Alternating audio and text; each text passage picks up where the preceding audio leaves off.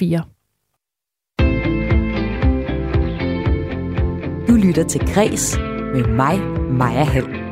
En 20 minutter lang bræksekvens. Det er blandt andet, hvad du kan se i den anmelderroste film Triangle of Sadness, der er premiere i dag. Filmen handler blandt andet om, hvordan for eksempel kendte nærmest bruger deres udseende som betaling. Looks paid for the tickets. Not bad, huh? so what do you do? I sell shit. Dit udseende betaler for billetten, lyder det her fra en af de danske skuespillere, der her spiller en rig russer i filmen. Og netop skønhed som valuta, det har vi talt med instruktøren bag filmen her om. Det er Ruben Østlund, og ham kan du høre fra senere i udsendelsen. En udsendelse, hvor det også skal handle om dansk drama. Rejseholdet, Borgen, Herrens Veje og Ulven kommer, det er titlerne på en lang række populære DR-dramaserier. Men med DR's nye udmelding om at droppe stillingen som kreativ chef for dramaafdelingen, så ligner det en klar nedprioritering af området, og DR svigter især de ældre seere, som gerne vil se dansk producerede serier på Flow. Det medier en medieekspert, som jeg har med i programmet i dag. Men inden jeg kommer til det, så skal jeg først sige velkommen til tre teaterfolk, som skal skrive et manifest i anledning af, at det i morgen er 300-året for dansk teater.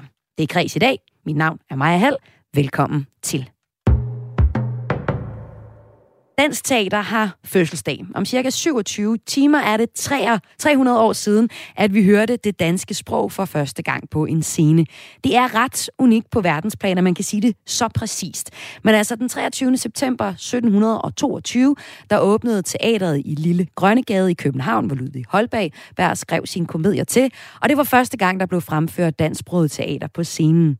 Den her fødselsdag, den markerer rigtig mange, og jeg gør det også her i Kulturmagasinet Kreds i dag, hvor jeg senere i udsendelsen får besøg af en teaterhistoriker, som fortæller om skilsættende epoker i dansk teaterhistorie. Men først kan jeg sige velkommen til tre, jeg vi kalder jer fremadstormende kometer på den danske teaterscene. Og jeg har med, fordi øh, I skal komme med hver jeres bud på, hvordan dansk teater, eller hvor dansk teater skal bevæge sig ind i fremtiden. Jeg kan byde velkommen til Sargun Osana. Har vi der med fra København, Sagun? Ja, det har I. Hej. Skru lige op for dig, så vi kan høre dig. Du er teaterchef på Blågård Teater i København. Du har vundet en Rømert-pris for årets instruktør i både 19 og 20. Her i studiet i Aarhus, hvorfra vi sender, der har jeg Sigrid Johannesen. Velkommen til dig, Sigrid. Tusind tak. Du er dramatiker og instruktør, og du har lavet samfundsdebatterende teater på Teater Sort-Hvid på Vesterbro i København, og så er du lige nu aktuel med en såkaldt potwalk i øh, Aarhus, på Aarhus Teater. Det er en app, som man kan hente til sin telefon, mm. og så kan man øh, lytte til syv fortællinger, mens man bevæger sig rundt på steder i øh, Aarhus, hvor fortællingerne, fortællingerne foregår. Så her er vi jo væk uden for teaterne også, er ikke? Nysgabende. Ja, helt klart. Ja.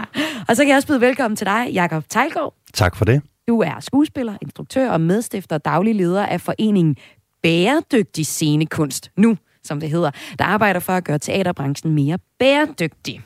Velkommen til alle tre. I uh, har fået en op og en, en udfordring. Men først skulle jeg tænke mig at høre jer. 300 år, er det noget, I sådan går og fejrer? Og hvis jeg skal starte, så vil jeg sige, ja, det er der i den grad noget, vi fejrer, men ja. det er også noget, vi øh, sætter ind i en større kontekst, hvor vi tænker, hvor er dansk teater om 300 år? Mm. Og øh, set i et klimamæssigt perspektiv, lidt dystert, er der overhovedet et dansk teater om 300 år? Hvorfor skulle det ikke være det? Ja, men vi ser de voldsomme klimaforandringer, som, stiger, som kommer mere og mere nu, og det kommer selvfølgelig også til at få betydning for, hvordan vores samfund fungerer om 300 år. Øh, bare om 100 år ser, hvad skal man sige, vores samfund ganske anderledes ud med stigende vandstanden, massive flygtningestrømme, og måske et, hvad skal man sige, et samfundsnetværk, som står og ryster i grundvoldene, fordi det er svært at få det hele til at fungere. Okay, der er jo en dyster, dyster lyd fra dig, kan jeg høre. Hvad med dig, Sede? Er det noget, du sådan går og fejrer, at vi har, kan man sige, en kunstart har overlevet 300 år? Helt klart. Altså, Altså, hvis jeg skal være helt ærlig, så skulle jeg ikke rigtigt. Øh, men jeg er måske heller ikke et menneske, som sådan går vildt meget op i sådan jubilæum og sådan noget. Øh, men altså, jeg er helt enig øh, i det, Jakob siger, i hvert fald i sådan den forstand. Men det synes jeg jo egentlig, vi altid skal spørge os selv om, hvor teateret er på vej hen, og hvordan vi kan være med til sådan at øh, skubbe den udvikling i, i en retning. Øh, så altså, helt ærligt og meget på potentielt upopulær takt, så, så går jeg ikke sådan vildt meget op i det der jubilæum. Jeg var dog glad for at se, at min øh, ikke særlig kulturinteresserede svigerfar øh, sendte mig et link til et optog, et teateroptog i Holstebro, som han havde tænkt sig at deltage i. Og det synes jeg helt klart jo har en værdi, hvis det her jubilæum bliver anledning til, at nogle mennesker, som ellers ikke vil opsøge teateret, pludselig øh, ser det som værende relevant. Okay. Og hvad med dig, Sakuno Sander, på øh, Blogger Teater? Der må I fejre fødselsdag. Ja, det kan Eller man hvad? sige, vi gør. Vi, eller vi fortolker i hvert fald, hvad det betyder for os mm. øh, med den her 300-års fejring. Og vi har øh, en øh, afrodansk dramatikfestival, der hedder Holberg Goes Black, øh, som er det her twist mellem ny dansk afrodramatik, øh, blandet sammen med Holberg.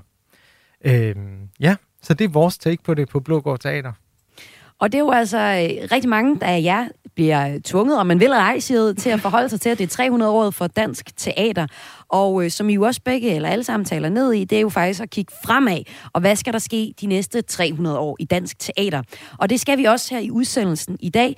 Jeg har en opgave til jer. I skal hver især skrive et manifest, som skal udstikke en retning for, hvor dansk teater i jeres øjne bør bevæge sig hen i fremtiden. I har sådan en, en 20 minutters tid øh, til at, at finde ud af det. Og øh, sidst i udsendelsen kommer I så tilbage i studiet og præsenterer jeres oplag. Og som en lille bonusopgave, ikke? Fordi 20 minutter, det er jo lang tid for jer, ikke? Eller Ja, hvad? Nej, klart. i teaterverdenen, der planlægger man langt ud i fremtiden. på 20, 20 minutter. Ej, men vi har jo valgt jer, fordi I er jo nogle folk med, med meninger og holdninger, ikke? Så jeg gætter på, at I allerede har lidt i lommen, øh, som I skal ud og arbejde videre på. Men som en lille bonusopgave, så skal I også fremhæve én ting, dansk teater skal droppe i fremtiden. Hvad tror I, det bliver nemmest? Manifestet eller noget, der skal droppes, Side? Jeg tror helt klart, at manifestet øh, er nemmest. Altså, jeg har også, øh, vi fik jo opgaven, altså lidt tidligere i dag fik jeg en sms med det der med noget, der skal droppes. Og jeg indrømmer faktisk, at jeg synes, det er pisse svært. Ja. Også fordi, man har i hvert fald lyst til så at sige 10 forskellige ting. Eller altså, det er sådan svært at skulle sådan øh, gradbøje det, synes jeg, og sige, det er det her, der er det vigtigste, og som er den ene ting. Også uden sådan at ende med på lidt unfair vis og skyde på nogen, Ja. som, som egentlig har I er et jo en projekt. lille branche, så man skal også øh, passe på, at man ikke skyder på hinanden. Er det ikke sådan? Og det er også lidt ærgerligt, hvis vi ikke kan kritisere hinanden. Ikke? Men, men, men altså, vi er jo en lille branche. Men, Ja. Hvad Men man kan helt sikkert pege på nogle tendenser, tænker jeg, som ikke er myndet på nogle bestemte personer eller institutioner, men nogle tendenser i tiden, vi ser, som man måske godt kunne skille sig af med. Ja. Det tænker jeg i hvert fald, vi kunne fokusere lidt på. Jamen, Jamen, øh det er jo bare at gå ud og, og fokusere løs. Vi øh, vender tilbage til jer senere i udsendelsen i hvert fald. Døren er derovre side. Du må gerne gå ud og forberede dig nu. Dejligt, tak. Og øh, om lidt her i, eller senere her i udsendelsen, der skal vi øh, ind på en masse forskellige ting, i øh, både i forhold til teater. Vi skal blandt andet høre en øh, teaterhistoriker komme med tre essentielle nedslag i teaterhistorien. Men inden vi kommer til det, så skal det handle om, at DR dropper at hyre en kreativ chef til DR Drama fire måneder efter at have slået stillingen op. En ændring, der møder kritik i branchen, skriver Berlingske, og noget, som vi ser nærmere på nu her i Kulturmagasinet Kres. Du lytter til Kres med mig, Maja Hall. Nu skal det handle om tv-fiktionen på DR.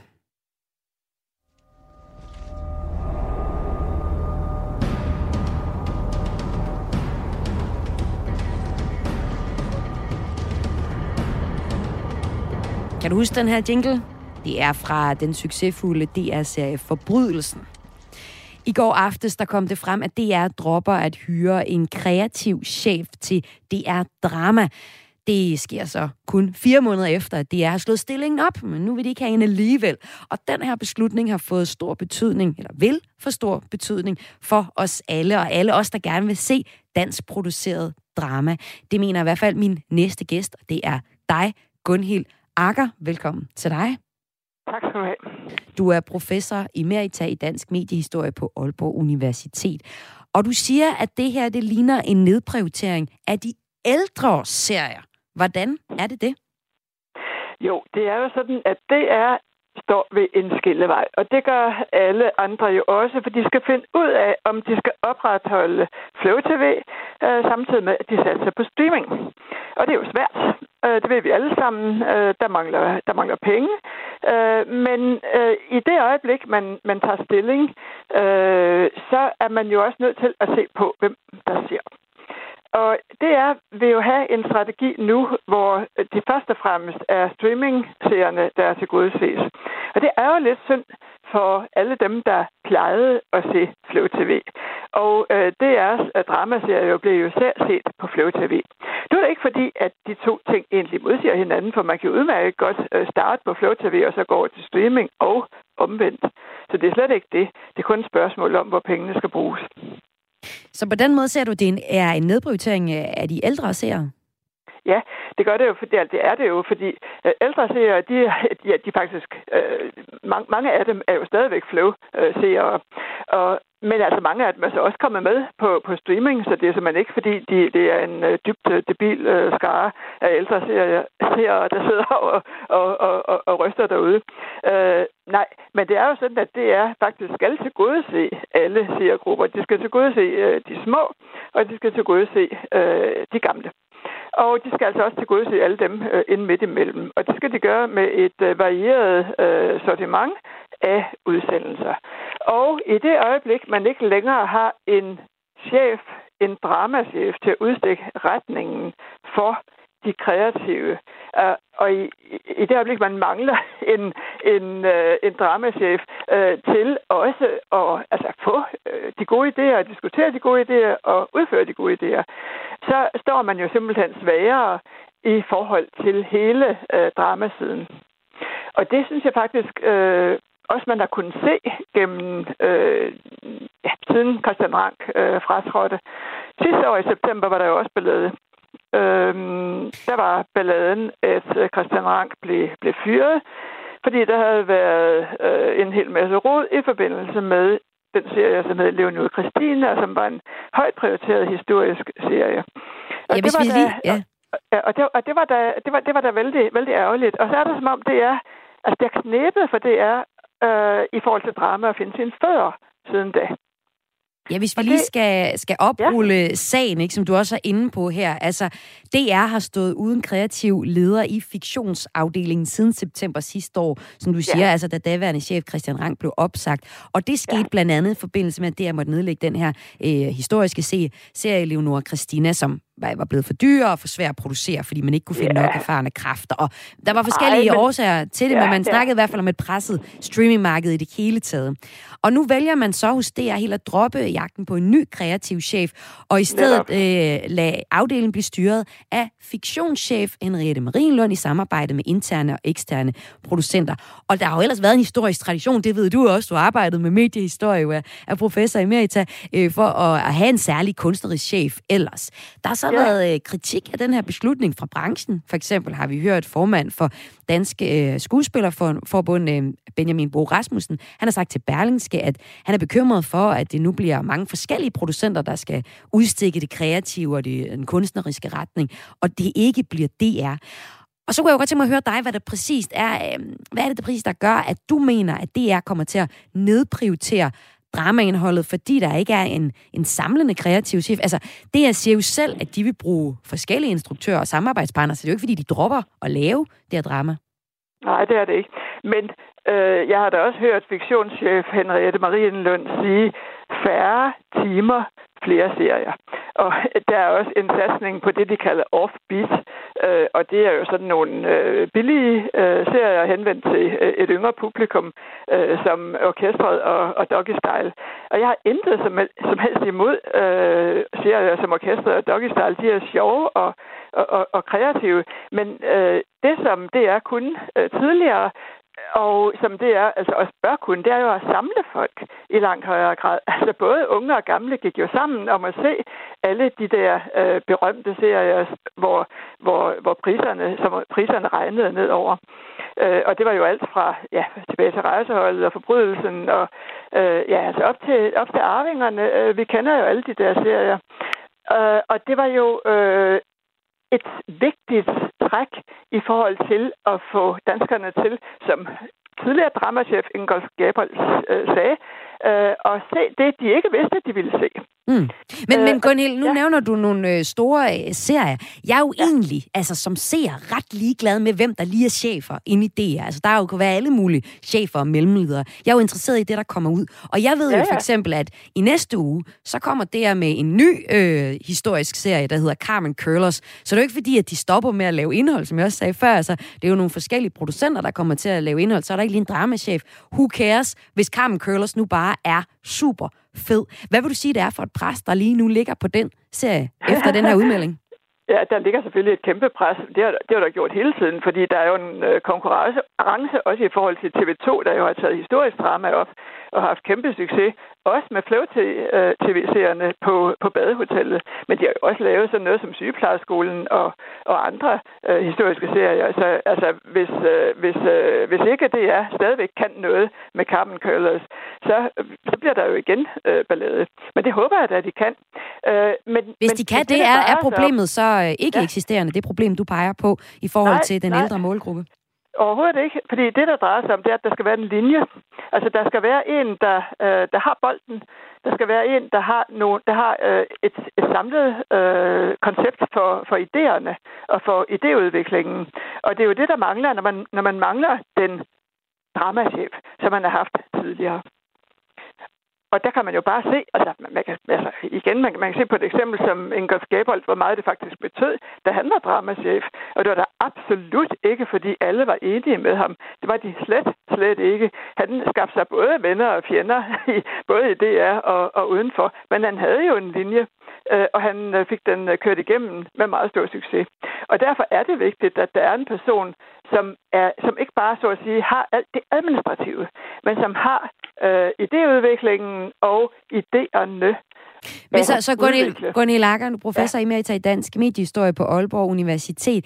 Hvad skal der til for din bekymring for, at DR kommer til at overse den øh, ældre målgruppe, eller bare alle os, der godt kan lide at se Flow TV og se en god serie, for eksempel hver søndag. Hvad skal der til for, at, at din bekymring den bliver gjort til skamme, Gunhild? Jamen, så skal de da lave noget mere og noget bedre. Nu kommer der allerede Carmen Curlers. Er det ikke nok? Jeg, jeg, jeg, ser, jeg ser da frem til Carmen Curlers. Okay. Det gør det helt sikkert, at der kommer, og, øh, der, der kommer jo også en, øh, et, et efterspil øh, øh, på riget. Øh, Lars von Triers øh, gode gamle serie. Men der kan man jo, der kan man jo så spørge, ja, altså, Øhm, det er jo, er, er det, vil det så være øh, gammel vin på nye flasker? Eller altså, jeg kan høre, Gunny, vi må tales ved igen, øh, når ja. vi har set lidt flere serier fra øh, DR. Tusind tak for din analyse, okay. i hvert fald her i Kulturmagasinet ja. Kreds. Professor emerita i Dansk Mediehistorie på Aalborg Universitet, Gunhild Akker, som vi talte med her. Ja, selv tak. Og hun var altså med til at komme med en øh, kommentar og komme med en analyse af, hvad det betyder, at DR nu har øh, droppet at hyre en kreativ chef til DR drama. Jeg skal også nævne, at vi har kontaktet DR for at få deres udlægning og kommentar på sagen, men de er ikke vendt tilbage på vores henvendelse. Om øh, lidt, lidt senere i udsendelsen, der kan du høre fra guldpalme-vinderen, instruktøren Ruben Østlund, der er aktuel med filmen Triangle of Sadness. Men inden vi skal høre fra ham, så skal vi tilbage og fejre 300-året for dansk teater. Du lytter til Græs med mig, Maja Hall. Hvad er dog dette? Hvad er dog dette? Måske kender du historien om fulderækken Jeppe, der en dag vågner op i baronens seng. Hvad er det for en herlighed? Og hvordan er jeg kommet hertil? Drømmer jeg? Eller er jeg vågen? Jeg er ganske vågen. Stykket Jeppe på bjerget er fra 1722. Her var det en lidt senere udgave, vi hørte. Komedien den er skrevet af Ludvig Holberg, og sammen med franskmanden René de Montagu, øh, der lagde de fundamentet for 300 års dansk teater. Nu skal du lige høre lidt historiefortælling her. Klokken havde netop passeret 5 om eftermiddagen onsdag den 23. september 1722, da de første dansksprogede replikker blev sagt højt af professionelle skuespillere for et publikum på en offentlig scene i Danmark. De spillede Molières Gnieren, der var blevet oversat til dansk. To dage senere, der opførte så for første gang et stykke danskskrevet dramatik ved uropførelsen af Holbergs egen komedie, Den politiske kandestøber. Og så er Dansk Teater i gang. I morgen så er det 300-året helt præcis. I morgen lidt over fem, ved man det. Og uh, Alette Skevenius, hvor unikt er det, at vi ved, at det helt præcist er 300 år cirka 27 timer siden det første stykke teater blev opsat på dansk? Ja, men det er da helt vildt unikt, at man kan øh, sige, at vi har en tradition, og vi ved præcis på klokkeslæt, hvornår den startede. Ting plejer jo at udvikle sig ganske langsomt. Øh, og det er jo ikke fordi, at man gik fra 0 til øh, 100. Øh, der havde jo været teater i Danmark før det, øh, men ikke på den måde, som vi fik det her, hvor folk blev lukket ind i en sal og øh, sad pænt ordentligt på ræd og række, så på det, der foregik op på scenen, og at det var offentligt tilgængeligt, det var jo, som du sagde, øh, helt øh, unikt, for ellers havde der jo kun været øh, teater ved, øh, ved hoffet, øh, og man spillede på fransk og tysk, og det var der jo ikke nogen, der forstod. Og de var jo heller ikke inviteret, dem der ikke forstod det. Så øh, der var ikke meget øh, teater at tage af. Der var vandretrupper, som også spillede på tysk og engelsk på tårne rundt omkring, øh, og ellers så var der behendighedskunstner. Så det er stort set øh, lige der, at det starter. Det er fantastisk. Og Alette Skavinius, lad os lige få lidt flere ord på dig. Du er som ingen nærmest kan være i tvivl om nu, hvor du har givet os den historiske beretning for Dansk Teater Start. Du er teaterhistoriker, og så er du også medstifter af Dansk Teater 300 år, som jo har været på arbejde i noget tid, for at vi kan fejre fødselsdagen netop i år, og særligt i den her tid. Det må man sige. Og øh, Alette, vi har bedt dig at finde tre af de allervigtigste nedslag i teaterhistorien. Og det første nedslag, det er enevældens afskaffelse i 1849, der betød, at vi fik ytringsfrihed. Det er jo noget, vi tit taler om. Men hvorfor var det vigtigt for dansk teater på det her tidspunkt, Alette? Fordi øh, det var jo kongens teater. Altså, det lille teater nede i Lille Grønnegade, det eksisterede ikke så længe. I 1728, så var det slut og færdigt med det. Øh, og så kom pietismen, og så var det i det hele taget slut og færdigt med enhver form for øh, gøjl og spas. Så vi skal helt frem til øh, 1748, før at man kan åbne komediehuset. Og det er så kongens teater, og det er kongen, som du ved, den, der betaler musikken, er også den, der bestemmer repertoireet. Mm. Øh, og, øh, og det var øh, ham, der bestemte, hvad der skulle spilles, og der blev selvfølgelig ikke spillet noget som helst, som var negativt over for øh, øh, styresystemerne, eller kongen, eller enevælden, eller noget som helst. Så øh, det, at, øh, at enevælden blev indført, og vi fik øh, ytringsfrihed, var selvfølgelig meget, meget vigtigt. Men problemet var bare, at det blev lige risikabelt nok for teateret. Øh, så man begyndte at indføre nogle andre restriktioner, som faktisk på sin egen bagvendte måde varede helt op til, hold da fast, 1991. Fordi man øh, i den tid uden for København skulle øh, indhente tilladelse hos den lokale politimester til at spille teater. Og øh, selvom det jo selvfølgelig, altså man vil jo ikke drømme om at sige, at det er fordi, vi gerne vil bestemme, hvad I skal spille, øh, men det var under øh, maske af, at øh, vi må sørge for, at øh, der ikke bliver for meget af det samme i det samme område osv. videre. Men det er da klart, at hvis politimesteren synes, det var uden for skiven, det, man havde at byde på, så kunne han da godt sige, finde en eller anden mm. begrundelse for det. Ja. Så derfor, øh, man kan sige, at den ytringsfrihed, vi fik i øh, 1849, den havde lidt svært ved at slå fuldstændig igennem ja. i teateret. Men alligevel. Den var vigtig, og Den det var var det vigtig. første Det var nedslag. Og vi skal igennem tre. Ja. Og hvis vi jo bare lige ser, altså Danmark har jo faktisk en ret stolt teatertradition.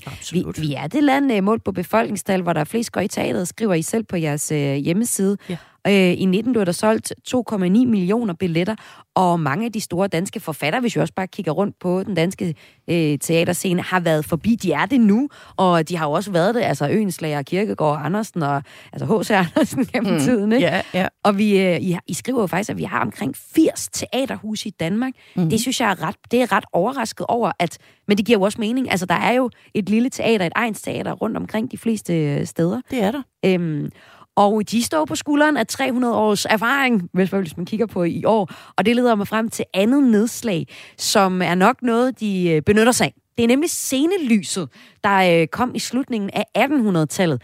Hvorfor synes du, det er så vigtigt, at det er en af dine tre vigtigste nedslag i dansk teaterhistorie, Lette? Jamen, det er klart, at i samme øjeblik, du øh, bruger scenelys, så øh, kan du fokusere publikums blik derhen, hvor du gerne vil have det skal være. Tidligere så var der for det første lys i salen, og det vil sige, at folk kunne sidde under hele forestillingen og se sig omkring, hvem er ellers i teateret, er der nogen, jeg gerne vil snakke med, og, uh, og hvad laver de derovre? Øh, og for det andet, så var der ikke lys på bagscenen. Det betyder, at øh, skuespillerne stod i en halvcirkel foran rampen, og øh, slags deklamerede skuespillet. Altså, man gik jo slet ikke rundt i øh, på scenen, som man gør i vores dage. Øh, de positionerede sig i forhold til hinanden, og, øh, og, og i samme øjeblik, du begynder at få lys, og du kan lave lys på bagscenen, så får du et helt, helt andet teater. Man begyndte så, at det kommer med realismen og naturalismen, man begyndte at sætte møbler ind på scenen. Det vil sige, de kunne ikke længere stå fremme ved rampen og deklamere. De blev nødt til at bevæge sig rundt om øh, møblerne. De begyndte at, at ryge cigarer og drikke te, og den berømte scene i øh, inden for murene, hvor de sidder og spiser rigtig hønsekødsuppe. Man kan jo se, når de løfter låget, at det damper op af, af, øh, af skålen og så videre. Og det er klart, det var et helt, helt andet teater. Så, du så før det, så stillede man sig bare ind til kanten, og så, og så fremførte man sine så replikker. gik man i gang Så var det jo sådan en slags en bog, der blev læst op. Ja, det kan man godt sige, men de havde jo selvfølgelig en masse mimik Mm. at tage af. Og, øh, og fru Heiberg, som jo var en af dem, der stod der ved rampen, var jo berømmet for sit utrolig erotiske spil. Så øh, der er ingen tvivl om, at de har jo måtte finde nogle andre værktøjer frem øh, til at kompensere for, at de ikke rigtig kunne mm. komme omkring, og, øh, som de kan i vores dage. Ja, det kan de nu, og det var jo så dit andet nedslag. Det var øh, scenelyset, der var med til, at der kom gang i, øh, i scenen i det hele taget, at der begyndte begynde at ske noget på, på scenen. Det er 1800-tallet. Dit tredje nedslag, så skal vi faktisk helt op til 1980'erne. Øh, nogen, noget, som jeg aldrig har hørt om. Fuglefestivaler. Fools øh, festivaler er inspireret af øh, hollandske festivaler. Fools fra 1974. Den bliver der holdt. Det er sådan noget udendørs teater, egentlig sådan en sommerfestival. Og det er, sådan, det, er der så, det er sådan noget nyt. Jeg forstår ikke helt, hvad det er, men, men prøv lige at fortælle, hvad det her tredje, øh, tredje nedslag Okay. øh, er. Ja, det overrasker mig godt nok, at du aldrig har hørt om Fools Festival. Aldrig. Okay, ja. Men, ja, skal jeg øh, være flov nu? Der, nej, det behøver du ikke at være. Der er så meget, så man ikke ved. det. Ja. øh, men Fools-festivalen øh, importerede en lang række scenekunstnere øh, fra hele verden. Og øh, det var jo ikke, fordi vi ikke vidste, hvad der foregik ude i verden, men vi havde slet ikke det udblik, som vi fik med Fools-festivalen. For det første så trak de publikum ud af teatrene. Altså, det var gadeteater. Folk løb jo op og ned af gaderne og lavede de særste ting. Og det betyder selvfølgelig, at det er ikke bare det publikum, som selv vælger at gå i teateret, men det publikum, som helt tilfældigt, fordi de er ude på gaden den dag, kommer støder ind i det her ting, og wow, hvad er det her for Så, så gadeteater, er det først noget, vi får så sent i historien? noget? Mm, Ja, altså jo. Men altså, det overrasker mig, at jeg er fra 1990, ikke? så jeg har jo bare været vant til, okay. det var. Ja, ja. Historieløs, ja. ja, ja, men der var vi så smart ved at pakke folket tilbage i teateret igen. Ja. Men øh, altså, øh, det var også fordi, det var et helt andet teatergreb, man mm. øh, gjorde brug af. Blandt andet var det meget fysisk teater, og, øh, og man blandede meget dans og sang, og vi fik jo de mest fantastiske grupper fra Afrika.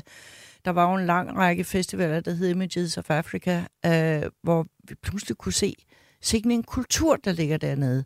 Indtil videre havde vi jo bare sådan, Afrika, åh, de sulter og har det svært. Men sikken en fantastisk kultur, de kunne bringe med os herom. Det blev meget inspirerende for danske scenekunstnere, det er der ingen tvivl om. Og jeg tror, der er rigtig, rigtig mange, som har gået hjem og har set teateret og deres egne koncepter med nogle andre øjne. Og det vil jeg sige, det, det har virkelig haft en kolossal stor betydning for dansk teater.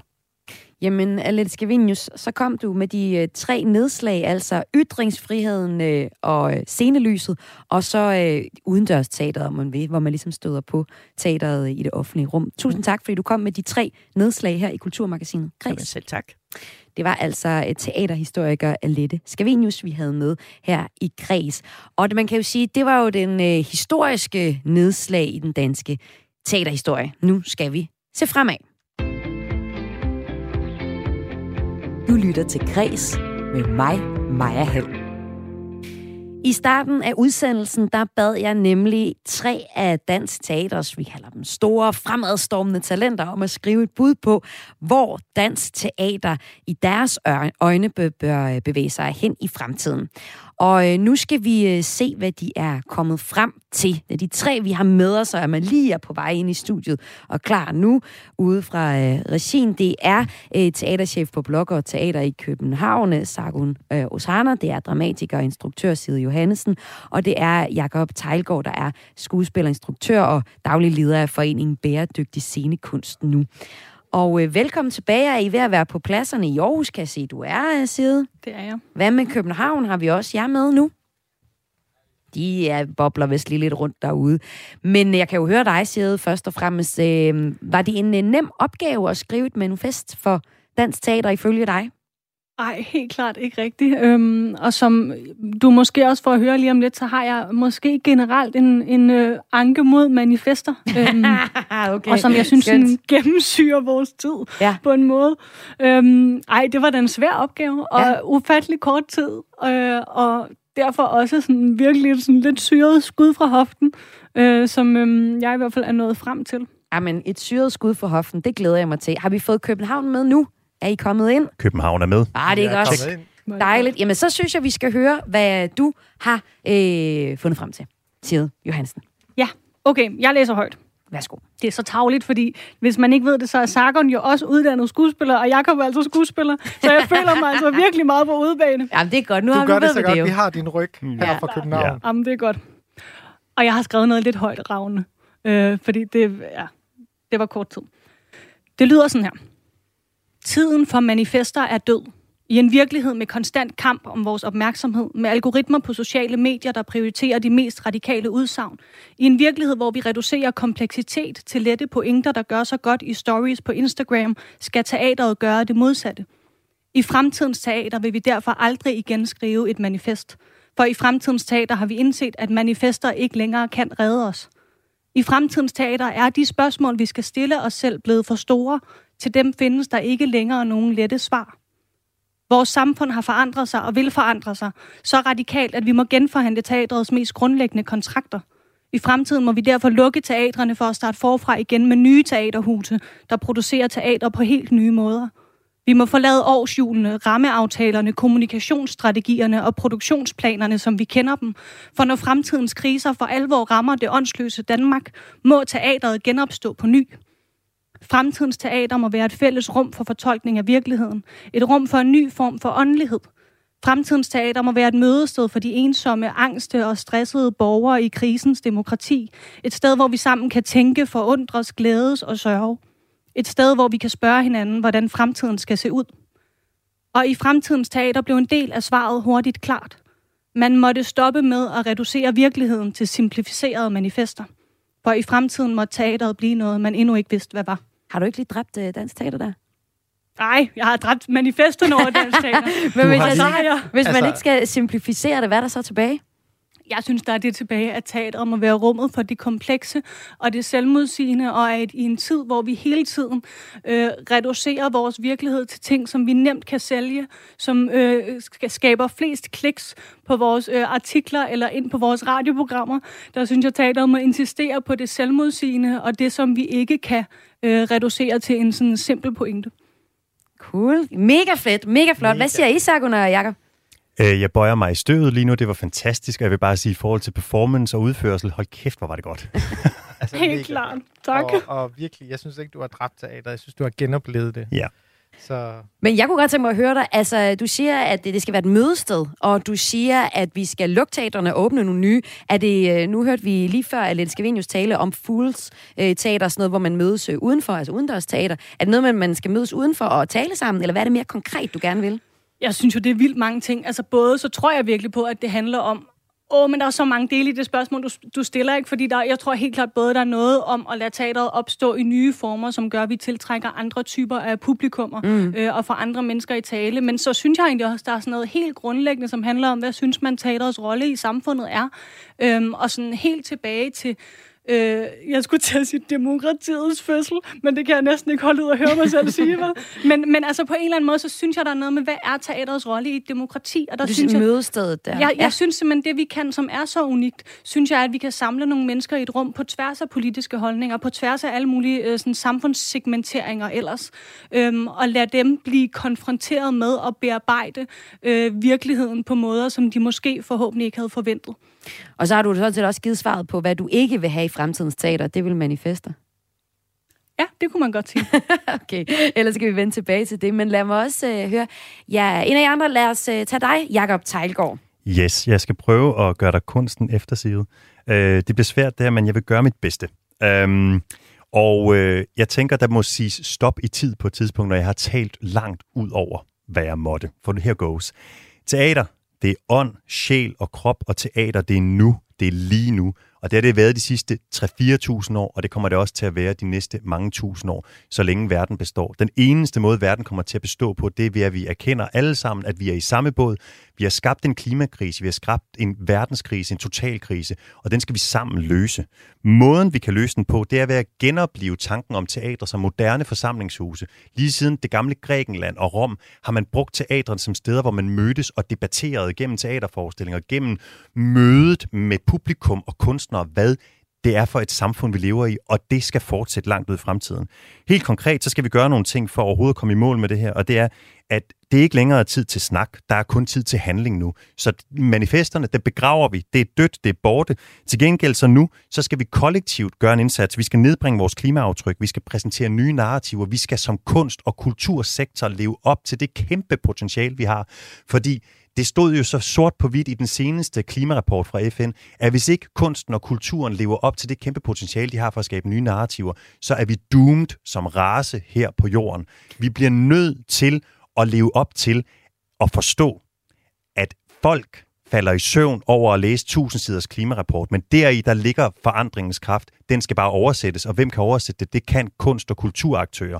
Hvad er det, vi gør hver dag? Vi bruger kunst og kultur, alle mennesker, hele tiden hver dag. Vi bliver inspireret, vi bliver motiveret, vi bliver engageret, vi læner os ind i kunst og kulturen. Så det er også den, der skal præsentere de nye narrativer. Og vi skal stoppe med at være bange for noget, der er politisk teater, for alt er politisk. Tog jeg en havremælk lige nu, så var det et politisk statement. Så kære venner, drop tanken om, at der er noget, der er politisk teater. Alt er politisk, og vi skal leve op til det sammen nu. Vi skal nedbringe vores klimaaftryk. Vi skal skabe samfundsdannelse, kulturhusene, teaterhusene skal være åbne steder for den offentlige debat, der skal ske fremover.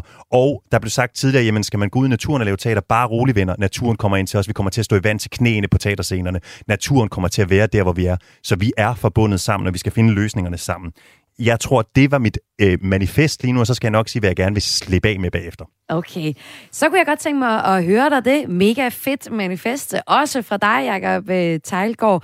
Det er jo også noget med mødesteder, vi hører igen. Men en anden ting, du selvfølgelig også siger som øh, daglig leder af Forening Bæredygtig Scenekunst nu, det er vores øh, klima udfordring kalder nogen det, kæmpe problem kalder andre det. Jeg tror, du hælder til det sidste. Mm. Æh, er, du siger jo, det er noget, at, at som teaters opgave er at fortolke klimarapporterne. Mm. Æm, er det også noget med, at uh, man for eksempel i en, uh, et teaterprogram skal skrive uh, det konkrete CO2-aftryk, der er på en forestilling, eller er teaters opgave mere at, at formidle problemer? Det er det hele på en gang. Altså, jeg kan være så glad og breake, at Kulturministeriet i dag har fundet 3 millioner til at skabe et nyt center for bæredygtigt kulturliv, som skal stables på benene her i løbet af det næste år. Det er vi utrolig glade for, for vi er jo ikke i tvivl om, at hvis vi på nogen måde skal komme i mål med det her, så skal der være en fælles rammeaftale, der skal være en harmonisering af, hvordan man måler sit klimaaftryk. Der skal være nogle standarder for, hvordan vi som kultursektor nedbringer vores klimaaftryk, hvis vi bare ser på den korte linje inden 2030 og 70 procents reduktion i samfundet der. Men altså, vi taler altså også om det på en helt anden måde, at det handler om, hvad er det for nogle narrativer, vi tager på scenen. Det handler både om, at man har modet som kulturaktør til at fortælle om klimakrisen og fortælle om mulige løsninger. Det handler om, at man åbner teaterhusen op for alle typer arrangementer, der omhandler den krise, vi står i, som jo ikke kun er en klimakrise, det er en livskrise, det er en verdenskrise. Øhm, og så handler det også om, at man opfordrer og inviterer publikum til at have den dialog om, hvordan skal fremtidens samfund se ud, fordi det, som kunsten og kulturen kan helt særligt, det er, vi kan jo forestille os ting. Vi går i teateret for at opleve og forestille os ting, og hvis vi kan forestille os et bæredygtigt samfund, så kan vi også skabe det. Wow, der kom lige et bonusmanifest der faktisk. Ja, helt klart. Den Ja. er fed. Altså, jeg synes, det er så vigtigt, det du siger, Jacob. Jeg synes virkelig, altså... Jeg får gå- kan du komme lidt tættere på mikrofonen? Ja, det kan Så du vi kan tro. høre din gåsehud. Yes, ja. Jeg synes bare, det er så vigtigt, det Jacob snakker om. Og jeg får helt Mm. kuldegysninger ved tanken om det her med naturen, der vælter ind. Fordi det Ja. er så sandt. Øhm, og jeg dybt imponeret over jeres tanker her på så kort tid. Må vi høre din, Sakun og Sana? Ja, det kan I tro. Øhm, jeg skal prøve at se mine kravtager her. Øhm, nu kan jeg lige starte med manifestet. Øhm, jeg nægter at snakke mere om manglende diversitet om øh, 300 år. Det skal ikke længere være et samtaleemne, men en del af vores naturlige forståelse, og en del, der er integreret naturligt i teateret og i resten af samfundet. Øh, ligesom vi ikke troede, at kvinder kunne stå på scenen engang, skal vi ikke være imponeret eller tænke det som en radikal ting, og kunne kigge på alle de kroppe, der endnu ikke er fortalt, og de stemmer, vi endnu ikke har hørt, og de ord, der endnu ikke er blevet sagt. Så synes jeg også, at vi skal anerkende scenekunstens kraft og mangfoldighed. Øh, scenekunst er mange ting. Det er også børneteater. Vi har et kæmpe rigt børneteater øh, i, i, i Danmark. Øh, alle mulige børneteater, som er kendte på internationalt niveau. Der er nyscirkus, og der er det frie felt. Og dem synes jeg godt, vi må løfte op også meget mere. Det bliver tit også i de her lidt større og mindre huse, der findes. Så synes jeg også, at vi skal lytte og skabe plads til de nye stemmer og nye generationer. Øh, Jeg håber ikke, det er mig, der sidder her om nogle, øh, nogle 100 år, forhåbentlig. øh, men, men for mig betyder det sindssygt meget at komme til som ny teaterchef og få lov til at skabe en vision og, og, og sætte mit eget aftryk. Og det håber jeg også, som vi kan høre nu med Jakob og med Sigrid. Det er så vigtigt, øh, at nye øh, generationer af scenekunstnere kommer til. Og så har jeg det, jeg vil droppe. Skal jeg tage det nu? Jamen, det skal vi jo sådan set også have, men hvor jeg synes, at det var interessant, du siger, at vi ikke skal tale om repræsentation af minoriteter og diversitet på øh, scenekunsten øh, de, de næste 300 år. Hvornår tror du, vi kan sætte punktum for den debat? Jamen, altså, grund til, at jeg sagde det sådan lidt radikalt, det var egentlig fordi, ligesom nu, altså, og, og generelt, at bliver jeg altid hivet ind til at snakke om den her diversitet og mangfoldighed. Og jeg kunne godt tænke mig, at det var ligesom noget, der naturligt skete, fordi vi ligesom havde taget det de her næste par år. Der er sket sindssygt meget på det seneste inden for de større teatre og, og generelt i scenekunsten. Men jeg, det, jeg mente, det var, at jeg håber ikke om 300 år, at det Mm. mm. stadig øh, er et samtaleemne, fordi der vil vi ligesom indse, at, at at selvfølgelig er det en kulturel valuta at skabe en bredere mangfoldighed og repræsentation i vores scenekunst og generelt i samfundet. Og så skal vi, øh, og vi har ikke meget tid til det, vi har faktisk kun et minuts penge til at høre, hvad I i hvert fald ikke skal have med ind i fremtidens teater. Sakun, hvad vil du ikke have med? Jamen, altså, jeg skrev først. Øh, det er sådan lidt jammet, det her, men øh, jeg prøver. Øh, jeg har skrevet noget med, drop de færdige skabeloner. If it works, break it. Mm. altså, og det er ligesom det her med, at... Øh, Så er Ja. det, man ikke skal lave Romeo og Julie? Det er jo en skabelon. Nej, det synes jeg ikke, fordi Romeo og Julie er jo et skrevet dramatisk værk. Det, jeg mener, det er ligesom værker, der er lavet på, på film, eller mm. nogle ting, som vi har set 50 øh, gange øh, opført. Øh, så hvis man ligesom står med det i hænderne, så vil jeg ønske, at man ligesom, øh, hvad skal man sige, skaber sit eget take på det. Fordi det er jo mm. det, vi kan som scenekunstnere. Så vi ikke bare tager en skabelon, siger plug and play, og så afsted med den. Men ligesom hele tiden præsenterer noget for publikum, som er nyt og anderledes. Så for eksempel Pretty Woman, der bliver sat op på øh, Aarhus øh, Musikhus nu, det var ikke det, du øh, håber, der kommer mere af i fremtiden. Det sagde du, det sagde jeg ikke. Modtaget. Hvad med jeg spørge? Sakkeren om noget? Ja. Ja. Fordi jeg synes faktisk, en af de ting, jeg også synes, du er så god til, Sakkeren, det synes jeg er at øh, gentænke processer. Altså tænker du også egentlig sådan øh, vanetænkning i processerne og måden, vi producerer på? Eller tænker du mest sådan indholdsmæssigt? Nej, fordi jeg synes jo, det er fedt med for eksempel Pretty Woman, eller hvad hedder det, Romeo og Julie.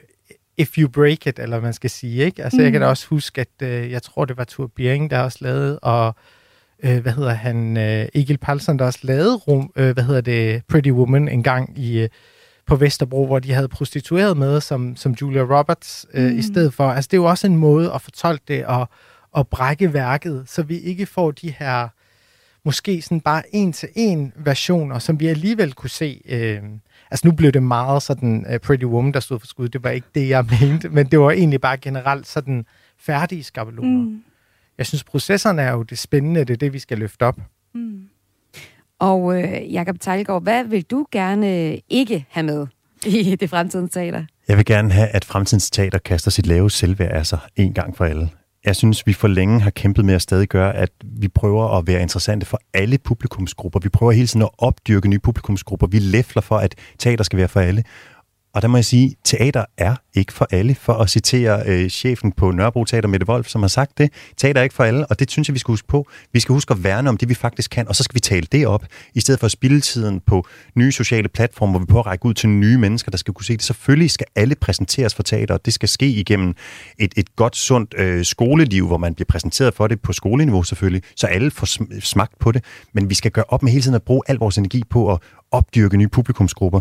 Og så skal vi kaste vores lave selvværd væk, når det handler om, at vi overfor politiske beslutningstagere altid går med, når vi er jo bare kunstnere, og, og det er jo en passion, og så må man tage til takke med den lave løn, man så bliver udsat for, eller hvad man nu kan sige. Så vi bliver nødt til at samarbejde som, som kunstart, ikke kun som, som scenekunstbranche, men som kultursektor, og virkelig få talt op, hvor utrolig vigtige vi er for sammenhængskraften i et samfund, og hvor vigtige vi bliver i fremtidens samfund. Og det var det, vi nåede i dag på snakken om fremtidens teater. Det kunne jeg godt have snakket mere med jer om, det skal jeg da ærligt indrømme. Men uh, tak, fordi I kom med jeres uh, manifester, om I kunne lide dem, eller ej, og lave dem. Tak til dig, Side Johannesen, Sakuna Sana og Jakob Tejlgaard, der altså var med her i Kulturmagasinet Kreds i anledning af 300 år for dansk teater. Tusind tak. Tak. Tak. Du lytter til Kreds med mig, Maja Hall. Og det sidste, du får her i Kulturmagasinet Kreds, det er et interview med den svenske filminstruktør Ruben Østlund. Han slog sig fast som en af de største nulevende filminstruktører, da han i maj vandt sin anden gyldne palme på Filmfestivalen Cannes for filmen Triangle of Sadness. I dag har den film så premiere i de danske biografer, og vi har altså netop talt med ham. Ruben Østlund, han fik sit internationale gennembrud i 14 med Force Majeure. En film, jeg var ret vild med. Den centrerede sig om det ultra akavede øjeblik, hvor en øh, snevelavine rammer en familie på et skisportsted, og manden stikker af for at redde sig selv, mens konen har travlt med at beskytte børnene. For fem år siden, der vandt han så sin første gyldne palme for filmen The Square med danske Claes Bang i hovedrollen. Og nu er det så Triangle of Sadness, han er aktuel med. En film, der starter på en øh, luksusbåd. The success of a luxury cruise mainly depends on you. I don't want to hear anybody saying no. It's always yes sir, yes ma'am. Filmen Triangle of Sadness, som er premiere i dag, handler om modelparet Karl og Jaja, der øh, strander på en øde ø med en gruppe milliardærer og en rengøringskone blandt andet også. I kampen om overlevelse på den her øde ø, der bliver hierarkiet, altså de rigeste, vendt lidt på hovedet, da det viser sig, at rengøringskonen er den, der for eksempel ved, hvordan man fisker. Den her film, den giver et kritisk blik på det kapitalistiske samfund. Filmen viser især øh, skønhed som en slags valuta i det her samfund, vi lever i. Og det, lige præcis det her med skønheden som valuta, det her med, at man kan få billetter for sin blotte et billede af, hvor smuk man er. Det har min kollega Joachim Vestergaard talt med den svenske instruktør Ruben Østlund om. Og øh, nu skal du spise ører, for det er på svensk, det du skal høre nu. Vi hører først her Ruben Østlund fortælle, at han blev inspireret til at lave filmen med øh, blandt andet modeller i hovedrollerne gennem sin kone, som er modefotograf. Ja, men jag började bli intresserad av det när jag mötte min blivande fru eh, Sina eh, för åtta år sedan. Hon jobbar som eh, modefotograf och är i skönhetsindustrin eh, och i modebranschen. Och jag tyckte det var spännande med eh, skönhet för det, eh, det är attraktivt samtidigt som det är skrämmande. Eh, hur vi ser ut och så vidare är ju så kopplat till olika hierarkier nästan på samma sätt som att pengar är, är väldigt starkt kopplat till hierarkier. Så om det kommer in en väldigt rik person i, i ett socialt sammanhang så förskjuter det hierarkierna på vissa sätt. Likadant om det kommer in en väldigt vacker människa i ett socialt sammanhang, då, då rubbar det hierarkierna.